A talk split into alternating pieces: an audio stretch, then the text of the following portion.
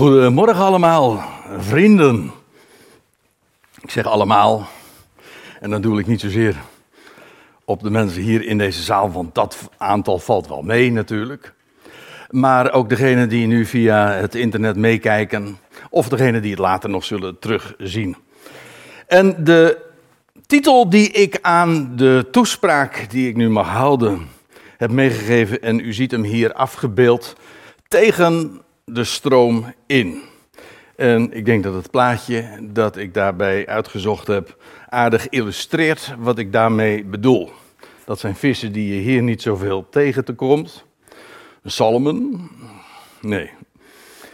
Maar dat zijn vissen die eh, inderdaad geweldige reizen maken, dwars tegen stromen in, tegen watervallen in en en alles trotseren om te komen bij de plaats waar ze wezen moeten. Om vrucht te dragen, om het eens eventjes plechtig te zeggen. En zojuist is een gedeelte gelezen uit 2 Thessalonica 2. En om even context te geven aan dat geheel, uh, is het wellicht nuttig om een paar opmerkingen te maken over waar het nu eigenlijk over gaat. Paulus was in Thessalonica geweest. Enkele weken later, uh, nadat hij daar dus vertrokken is, uh, schrijft hij een brief. En je kunt dat ook allemaal puur en heel gemakkelijk traceren in het boek Handelingen. En daar in Thessalonica had hij al uitgebreid ook verteld over het profetisch woord in die dagen ook trouwens nog eh, buitengewoon actueel, of in ieder geval, het zou in die dagen zich ook nog hebben kunnen voltrekken. De deur voor Israël stond nog open, of in ieder geval, uh, hij was nog niet in het slot. Uh, daar laat ik het er maar even bij. Maar in ieder geval, hij had daarover gesproken en daar ben ik zo blij mee dat Paulus dat toen gedaan heeft. Want nu zijn wij bijna 2000 jaar later en laat nou uitgerekend in onze tijd deze boodschap zo enorm actueel worden. Paulus weerspreekt een bewering die daar in Thessalonica rondzong. Hij had daarvan vernomen dat de dag des Heren reeds zou zijn aangebroken. Nou, hij maakt dan duidelijk dat dat volstrekt onmogelijk is, want zegt hij, eerst moet namelijk de mens der wetteloosheid zich in de tempel Gods zetten. En ja, dat, uh, dat veronderstelt natuurlijk ook al wat kennis van de profetieën, want die mens der wetteloosheid, dat is die illustre, om niet te zeggen macabere of beruchte uh, mens die in de eindtijd zal gaan optreden en die de tempeldienst zal beëindigen, abrupt, en in plaats van de tempeldienst, de offerdienst, een afgodsbeeld van zichzelf daar uh, in die tempel gaan laten plaatsen. En dat betekent dus dat in die tijd er weer een tempeldienst moet zijn. Dat is er in onze dagen niet. En ik zeg dus, ja, en met velen, met mij natuurlijk, als het profetisch woord gewoon betrouwbaar is, en dat is er, dan gaat die tempeldienst er gewoon weer komen. Vandaag of morgen. Ja, nou vandaag denk ik niet meer. En morgen ook niet. Maar het gaat er gewoon aankomen. En maar die mens der wetteloosheid, ik bedoel, voordat die mens der wetteloosheid de tempeldienst kan beëindigen en eh, al die offers die daar plaatsvinden, trouwens dat ligt allemaal al lang klaar, dus dat als eenmaal het politieke groene licht daarvoor gegeven wordt, dan, dan, dan staat het er in no time. Dat geen enkel punt. En nou, voordat die dienst kan beëindigd worden, ja, moet die dienst er dus wel eerst weer zijn. En dan zegt Paulus ook, dat kan alleen maar als, die, de, als degene die die mens der wetteloosheid nu nog tegenhoudt of vasthoudt, uit het midden verdwijnt. Er is dus een tegenhouder of een vasthouder, zodat die mens der wetteloosheid gewoon niet kan gaan optreden. En waar hij doelt, op doelt is, dat uh, is nu, dat voert te ver om dat nu aan te tonen, maar ik ga er even gemakshalve van uit. Bij andere gelegenheden zijn we daar wel eens uh, dieper op ingegaan, op de wegrukking, zoals hij dat in 1 Thessalonica 4 uh, ook noemt. Uit dat gedeelte is zojuist ook geciteerd. Hè? Dat wil zeggen, de Ecclesia, de gemeente, uh, de gemeente Gods, dat volk dat God zich vandaag verzamelt, zal uit deze wereld worden weggerukt. En hij noemt dat trouwens in ditzelfde hoofdstuk, 2 Thessalonica 2 ook nog onze toevergadering tot hem. Met het oog daarop schrijft hij deze dingen. Zo lezen we daar in de aanhef van dat hoofdstuk. Nou, het idee is dus deze, dat de Ecclesia, ik bedoel dus dat gezelschap dat God zich vandaag verzamelt, dat wordt uit het midden, namelijk van de mensen, verwijderd, weggerukt, geëvacueerd. En ja, dat is wat elders dan heet de wegrukking van de mannelijke zoon. Die gaat naar boven, naar de, ja, die krijgt eigenlijk haar uiteindelijke bestemming. En wat er dan tegelijkertijd gebeurt, is dat als de Ecclesia naar boven gaat, dan gaat Satan een etage lager. Dus de een een etage hoger naar de hemel en de ander een etage lager, namelijk naar de aarde. En uh, ja, dan wordt de Satan verwijderd uit de hemel. En de mens der wetteloosheid, die zal in feite een incarnatie van, die, uh, van Satan, van de tegenstander, die zal dan worden onthuld. Dus er is een direct verband tussen aan de ene kant het verdwijnen dus uit het midden van de Ecclesia en anderzijds de, de manifestatie van de tegenstander in de mens der wetteloosheid. Nou, er is een heleboel over te vertellen. Doe ik nu niet, maar ik zeg dat even als context van 2 Thessalonica 2. En dan pak ik de draad op bij vers 7. En ik ga er snel doorheen, want ik moet uh, een, uh, een achttal, negental versen uh, verder komen aan het eind. En mij is toch ook maar een beperkte tijd eh, meegegeven. Goed, want, schrijft hij dan, het geheim van wetteloosheid is reeds inwerkende. De vertaling die ik hier heb, die sluit erg aan op de interlineair, is dus wat letterlijk, is niet precies hetzelfde als in uw NBG of Statenvertaling. Kijk het maar eens na. Maar uh, hij zegt, het geheim daarvan is al in werking. En met die wetteloosheid, dat is het woordje anomia, daar zit het woordje noom, hè, de, uh, wat wij ook in talloze woorden kennen. En dat is norm, of eventueel wet. En uh, anomia is dus eigenlijk gewoon dat wat zonder norm is, abnormaal. Dat is uh, in feite, Paulus zegt dat in zijn dagen is dat al in werking. Alleen het gaat zich alleen maar zeker tegen die tijd waar ik het net over had, des te meer manifesteren.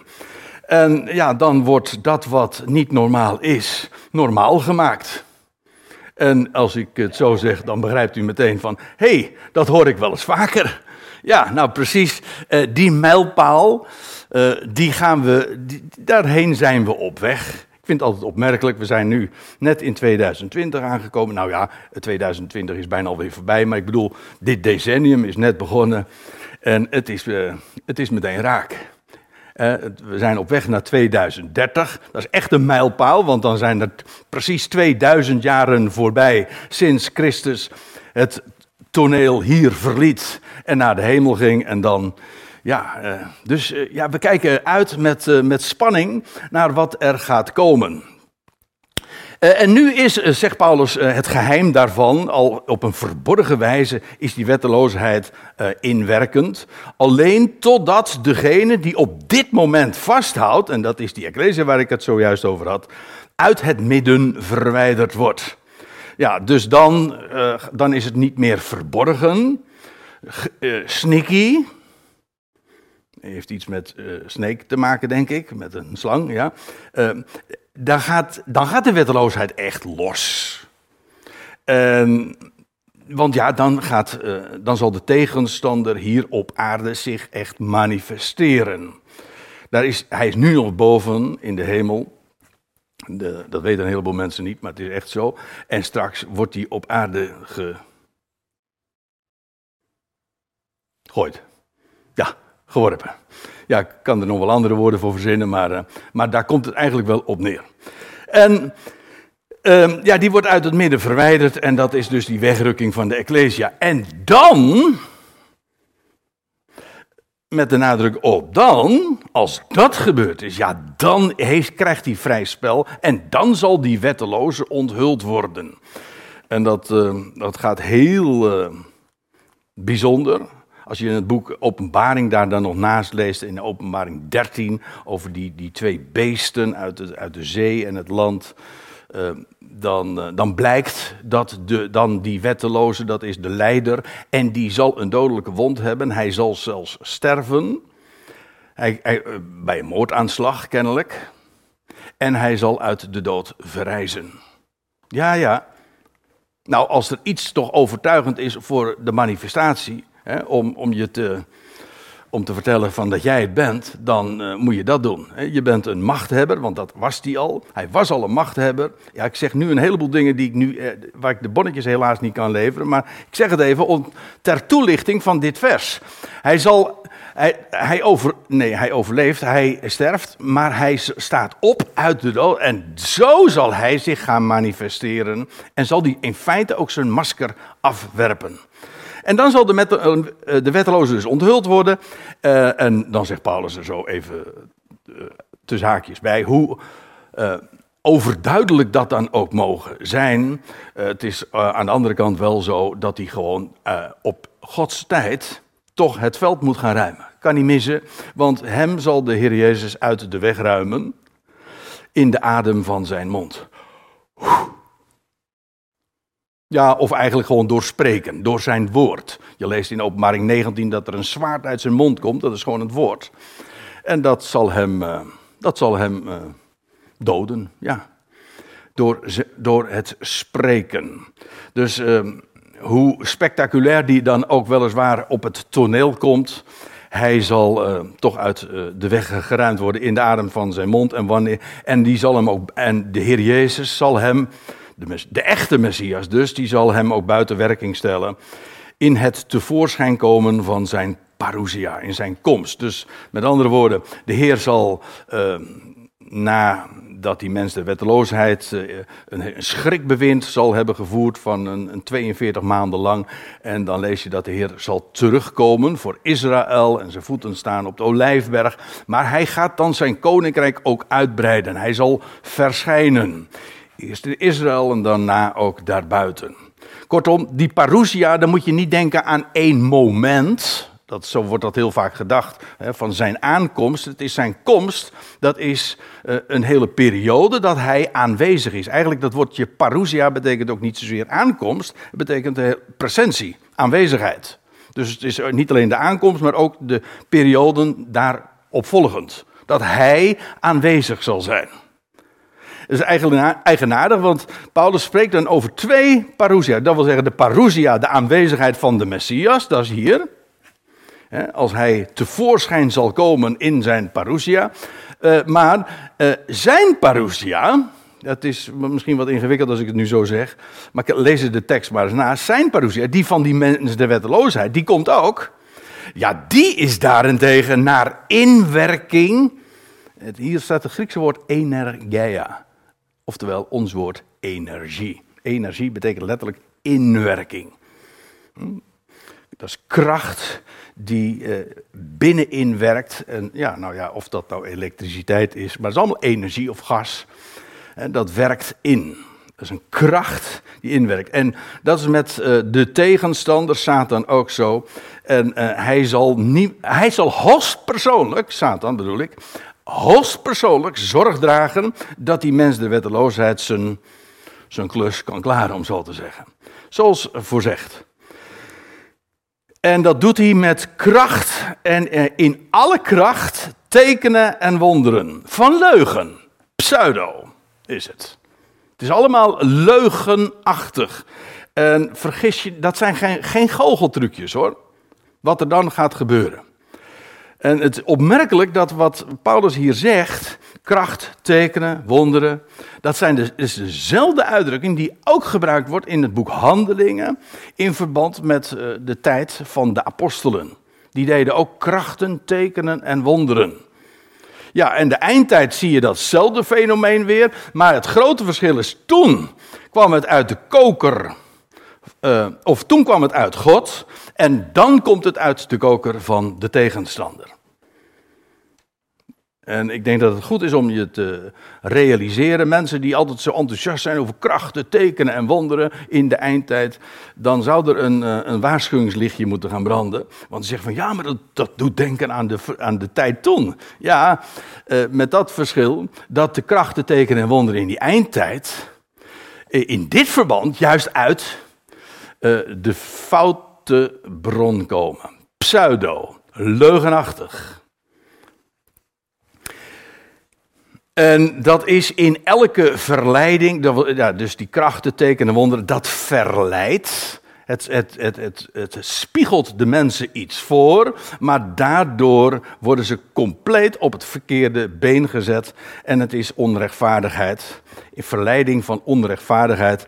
En uh, dan doet me denken aan wat Paulus in Romeinen 1 ook zegt. Dat hij zegt dat de, de dat is trouwens al karakteristiek van de huidige wereld, dat de wereld uh, de waarheid in onrechtvaardigheid, in ongerechtigheid ten onder houdt. Als je weet wat de feiten zijn, hoe het zit, en je wil niet dat het verteld wordt, dat is onrechtvaardigheid. Dat is namelijk, dan hou je de waarheid ten onder. Dat is belangrijk, het gaat niet over een opinie dus. Het gaat over iets waarvan je weet dat het waar is. En het mag niet gezegd worden. In feite is dat uh, al heel karakteristiek voor deze hele aion, al vanaf de dagen van, van Noach. Dit hele wereldtijdperk daarin, ja, er wordt de waarheid ten onder gehouden. En, uh, dat zal straks helemaal extreem uh, zich, zich gaan voordoen. Voor hen die dan, staat er ook, verloren gaan dat wil zeggen, die omkomen in die tijd. Want dat is niet vrijblijvend. Als je de waarheid ten onder houdt, dat is uiteindelijk altijd de weg van de dood ook. Letterlijk. Nee, ik denk niet aan de hel. Dat is een leugen. Dat is wat de meeste mensen denken als het woordje verloren gaan. Ik bedoel, de meeste christenen. Uh, meteen aan denken, als ze verloren gaan, denken ze aan de hel. Maar dat is het hele idee niet. Verloren gaan betekent gewoon omkomen bij, in wat voor context dan ook. En dat is hier ook het geval. En in die eindtijd zullen er velen ook inderdaad omkomen, omdat ze inderdaad, ja, uh, als ik het zo mag zeggen, op het verkeerde paard hebben gewet.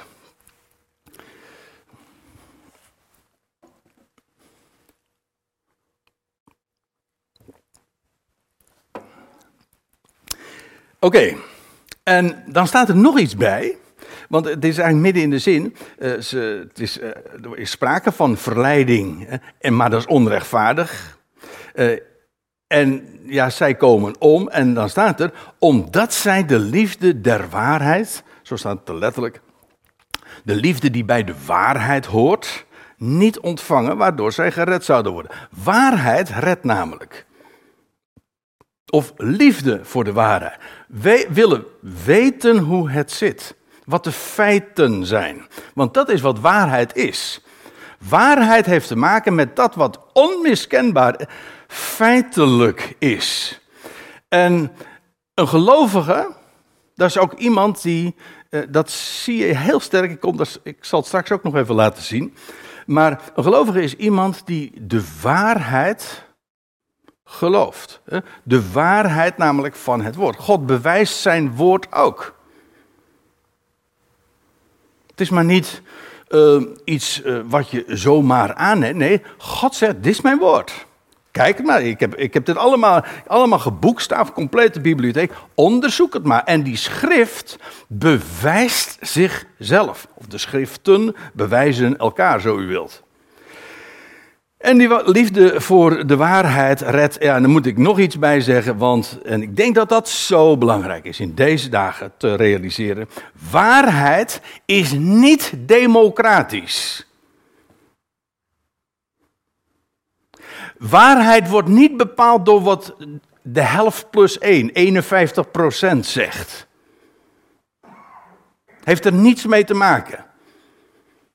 De, de meerderheid bepaalt niet wat waar is. Al zegt de meerderheid dat 2 en 2 5 is, dan is niet omdat we een democratische lijn volgen, uh, voortaan 2 plus 2 5. Dat wordt wel gedacht, maar het is niet zo. De waarheid is niet democratisch, ook niet wat lekker ligt. De waarheid uh, en feiten interesseren zich niet in gevoelens. Iets is waar of is iets niet waar. En of het nou leuk of lekker of fijn of emotioneel aanrakend is, dat maakt allemaal niet uit. De waarheid is niet lekker. Ik moet er wel bij zeggen, de waarheid uiteindelijk, de echte waarheid van God is een geweldig goed bericht, daar niet van. Maar het kenmerk van de waarheid is niet dat het lekker is. Sterker nog, een van de kenmerken ook in de laatste dagen is dat mensen hun gehoor, dat zegt Paulus in 2 Timotheus 2 of 3, nee 4 zelfs, uh, dat, uh, dat de mensen uh, kittelachtig van gehoor zijn. Dat wil zeggen, ze willen zich graag laten kietelen. Ze, en, ze, en ze verzamelen zich allemaal leraars die vertellen gewoon wat ze graag willen horen. Dat is fijn. Of het laagdrempelig is. Wat je niet te lang, waar je niet te veel over na moet denken, ook niet kritisch. Het moet gewoon fijn en lekker zijn. Nee, de waarheid is niet wat lekker is, of wat democratisch is, of wat goedgekeurd is. Ja, ik zeg het er maar even bij. Want tegenwoordig kreeg, uh, ja, ik bedoel, we, hebben allemaal uh, de, we kennen allemaal de, de, social media en die geven dan hun stempel op iets of iets juist is. Weet je wel, of correct. Door uh, de VN, of de WHO. Als die dan goedkeurt, dan, oh, dan zal het wel zo zijn. Dat zo, of uh, ja, dat was van ouds altijd zo van, nou als het gedrukt staat, dan zal het wel waar zijn. Als het in de krant staat, of zoals tien jaar geleden hoorde je nog wel eens, nee, oudere mensen dan zeggen van, ja, het was allemaal nog nieuw internet, of nou tien, vijftien jaar geleden. En dan zei ze, nee, ik heb het echt gelezen hoor, het stond op internet. ja, en, uh, of ja, nee, ik heb het zelf gelezen, het stond in de Telegraaf. Ja, of in de Volkskrant, dat maakt me allemaal niks uit. Maar dan, dan, dan, dan, dan lig je dat het gedrukt staat. Daarom, daar komt die uitdrukking ook vandaan. Dat staat gedrukt. Dus oh, dan zal het wel zo zijn. Nee, de waarheid heeft daar allemaal niets mee te maken. Eh, kritische zin is zo enorm belangrijk. De liefde van de waarheid is, dat is de liefde van hoe zit het nou? Niet of het leuk is of dat iedereen het zegt. En, en dat maakt je meteen ook alert. De, namelijk, de, je hebt liefde voor dat wat correct, wat juist is, wat, wat feitelijk waar is en wat ook de kritiek kan doorstaan. En ja, omdat zij die liefde van de ware niet ontvangen, en dan staat er, en daarom zendt God hen een inwerking van dwaling. Het komt eigenlijk een beetje, uh, eventjes uh, populair gezegd, op neer. Oh, jullie, willen, jullie zijn niet geïnteresseerd in de waarheid? Oké, nou, dan krijg je hem. Dan krijg je de leugen, een dwaling. En daarom zendt God, ja, moet je nagaan, hè. Dat kan nooit. Ja, nou, dit staat er dus, hè. Daarom zendt God hen een inwerking van dwaling. Waar, waar, dat daar omslaat dus omdat zij geen liefde der waarheid hadden. Opdat zij de leugen zouden geloven. Zij, gewoon in het algemeen de wereld. Vergis je niet. En dit zeg ik niet als een, een leuk ding. Het is ook niet lekker. Maar de dwaling en de leugen, dat is wat Paulus zegt, worden mainstream. Wil je dat nog een keer zeggen? Ja. De dwaling en de leugen worden mainstream. Mainstream, hoofdstroom. Gewoon iedereen zal zeggen, de heersende opinie zegt van, dat is waar. Maar het is dwaling. Het is leugen. En weet u wat degene, uh, hoe degene dan genoemd worden die dat onderkennen? Dat zijn complotgekkies. Die zeggen van ja, wacht even, dat mag iedereen nou wel zo zeggen. En dat mag dan allemaal gecertificeerd of geaccrediteerd, of hoe dat ook maar heten mag, eh, bevestigd zijn, gestempeld zijn, gelabeld zijn als zijnde waarheid. Ja, maar het is leugen. Het is fake news, nog zo'n term. En dit is niet nieuw hoor. Maar het wordt in de eindtijd, als het echt erop aankomt, wordt dit gewoon standaard. En ik denk, nee, ik weet, dat naarmate nu de tijd vordert, en ik denk dat 2020, ik heb het in ieder geval zo of zo ervaren, laat ik het dan als persoonlijk uh, verhaal er eventjes aan mogen, uh, nou ja, erbij mogen zeggen. Uh, ik heb dit jaar persoonlijk heel sterk ervaren van hoe dit jaar een, een omslag is inderdaad naar dit fenomeen. Hoe we gewoon door de heersende opinie worden beter. Door, en dat is inderdaad de stroom. En als je wil weten, dat, dat is een leuke uitspraak die ik las ergens. Als je wil weten hoe sterk de stroom is in het water, weet je hoe je, dat, hoe je erachter komt? Dan moet je er tegenin zwemmen. Dan kom je erachter. Als je meegaat, kom je er niet achter, want je gaat gewoon met de stroom mee. Maar als je er tegenin gaat, dan kom je erachter hoe verrekte zwaar het is om daar tegen in te gaan. Dat was ook de reden waarom ik dat, dat plaatje in het begin toonde. Tegen de stroom ingaan. Dat zeggen ze nou allemaal wel. Want het, een, van de, een van de consequenties is ook, als je tegen de stroom ingaat, dat je dus voor gek wordt versleten. Je wordt niet serieus genomen. Dat is, ik, zeg, ik zei het al even, eh, niet nieuw hoor, want Paulus zei dat al toen hij, eh, aan, dat schrijft hij aan de Corinthiërs. Uh, ja, dat, de wij, dat wat voor de wereld wijs is, dat is in de ogen van God dwaas. Maar omgekeerd natuurlijk net zo, want het werkt naar twee kanten toe. Dat wat de wereld, nee, wat Gods wijsheid, ah, dat is voor de wereld dwaas. Dus je moet gewoon ook in feite komt het erop neer dat als je in een, in een, in een leeft waar de leugen regeert, moet je bereid zijn om voor gek en dwaas en dom of gekkie of wappie of nou ja, er zijn er nog wel meer, te worden versleten. Als je zegt van ja, maar dat, dat, ja, dat, dat trek ik niet, André. Ja, dan, dat is moeilijk dan wordt het heel zwaar in die eindtijd. Want in die eindtijd gaat het er uiteindelijk om, om liefde der waarheid. Wat is het? En als je nou zegt, ja, maar wat is nou waar? Dat is echt een enorm probleem aan het worden. Ik zei, het is niet nieuw. Nee, maar het, het, uh, juist ook doordat we nu uh, momenteel eigenlijk uh, ja, voortdurend beïnvloed worden ja, door die heersende opinie. Vroeger las je dan zo af en toe eens een keer de krant. ik bedoel, vroeger, eh, nog voor mijn tijd zal ik maar zeggen, dus heel lang geleden. En eh, ja, maar nu, dan ga je, voortdurend, voortdurend komt die heersende opinie op je af. Ik zou haar zeggen, per minuut bijna. En de radio, de televisie, de internet. Dus niet alleen maar meer de, de gedrukte pers. Al, helemaal niet. Het, het, is, het komt zo massief op je af. Dat is die stroom van gedachten, opinies, meningen. En als dat dan met zoveel flair en met zoveel kracht en met zoveel uh, ook titels en dergelijke wordt uh, meegenomen, ga er dan maar eens tegen in. Ja. Maar het is buitengewoon belangrijk om je te realiseren, de tijd die er gaat komen, dan wordt dus de leugen inderdaad mainstream. Iedereen zal zeggen, zo is het. Ja, het is niet waar.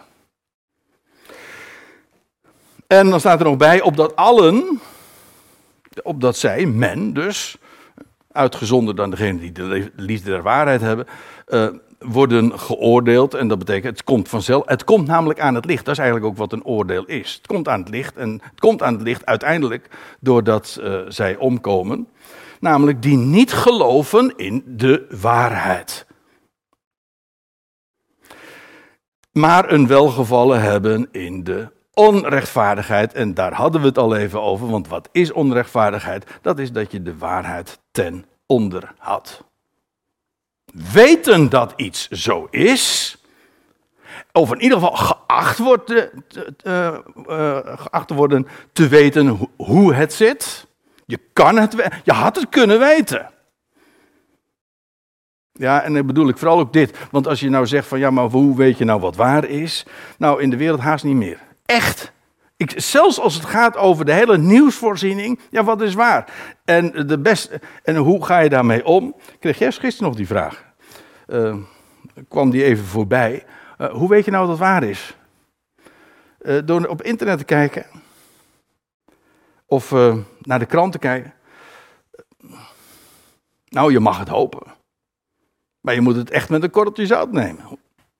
Of liefst met twee. En eigenlijk zou je er gewoon een heel zoutpotje naast moeten zetten. Als je, zodra, nee, dat meen ik echt hoor. Ik, ik, zit, ik maak geen grapje. Echt, het is, dit is, dit is bloedlink. Want je wordt inderdaad belogen waar je bij staat. En je zegt, dat is niet leuk. Nee, dit is ook niet leuk. Want ja, hoe was het ook alweer? Je had vroeger zo'n programma, dat is ook, goh, dat is ook al lang geleden. Dat heette, ik heb het zelden gezien, maar de, de liedjes van dat programma zijn nog wel uh, een paar daarvan bekend. Het schaap met de vijf poten. De ouderen onder ons, die weten dat nog wel. Met Adele, Bloemendaal en zo. En dan had je zo'n liedje. En uh, als, ik het, de, als ik het zo zeg, dan zeg ah, die, die ken ik wel. Uh, dat was, als je elkaar niet meer vertrouwen kan, waar blijf je dan? Zo is het toch, meneer? Nee, ik ga het niet zingen. Dat mag jij straks doen, uh, Mirjam. uh, nee, maar als je, ja, als je elkaar niet, als je niet meer gewoon kan vertrouwen dat wat er, er gezegd wordt, ja, nou dan wordt het knap ongelukkig. Ja, en, en daar moet je toch bedacht op zijn in een aion die boos is, juist ook om die reden. Ja, waar blijf je dan? Nou, uiteindelijk eh, komt het erop neer.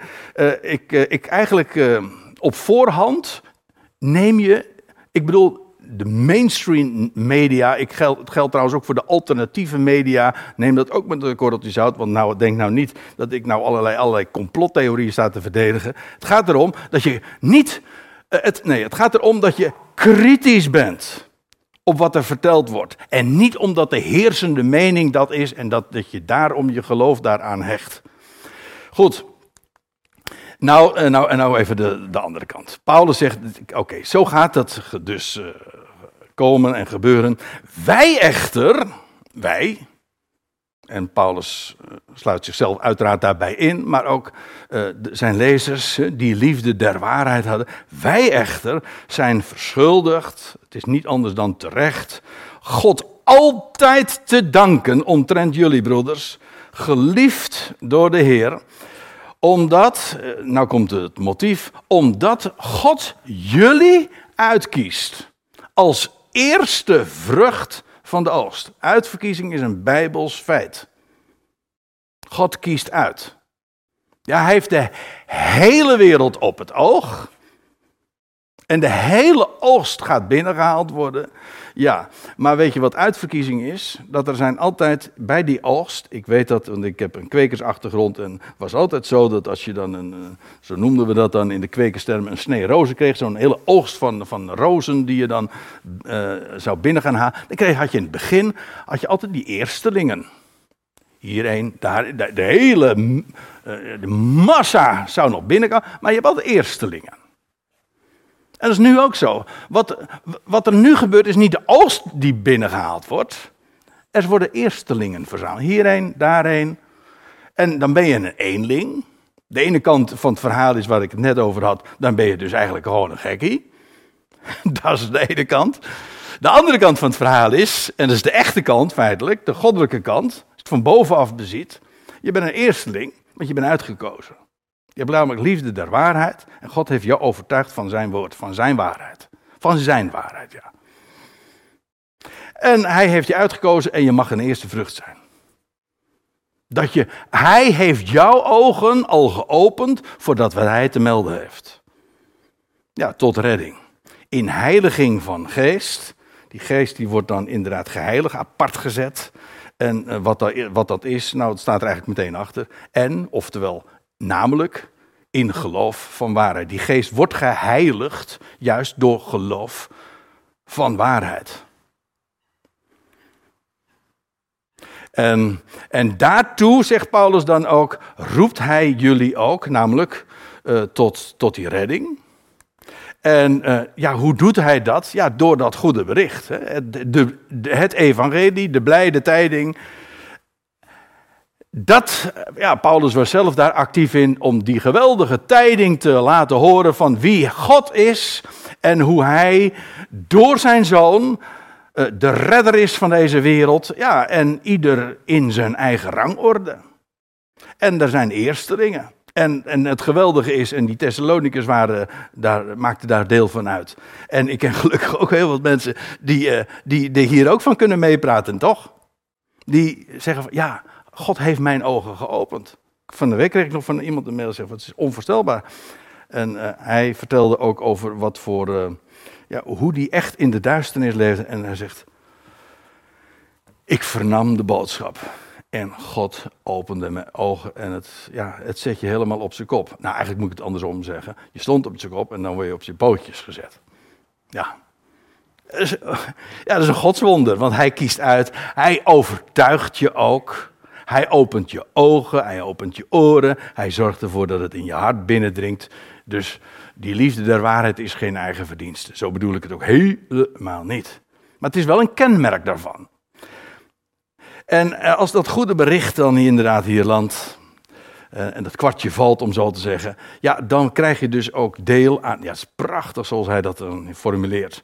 Daartoe roept hij jullie ook door ons goede bericht, zegt Paulus, tot verkrijging van de heerlijkheid van onze Heer Jezus Christus. Vergis je niet, dat waar dit gezelschap wat vandaag door God geroepen wordt, heeft zo'n onvoorstelbare hoge bestemming. Namelijk, het is geroepen om de heerlijkheid van onze Heer Jezus Christus, namelijk te delen. Hij het hoofd, wij het lichaam.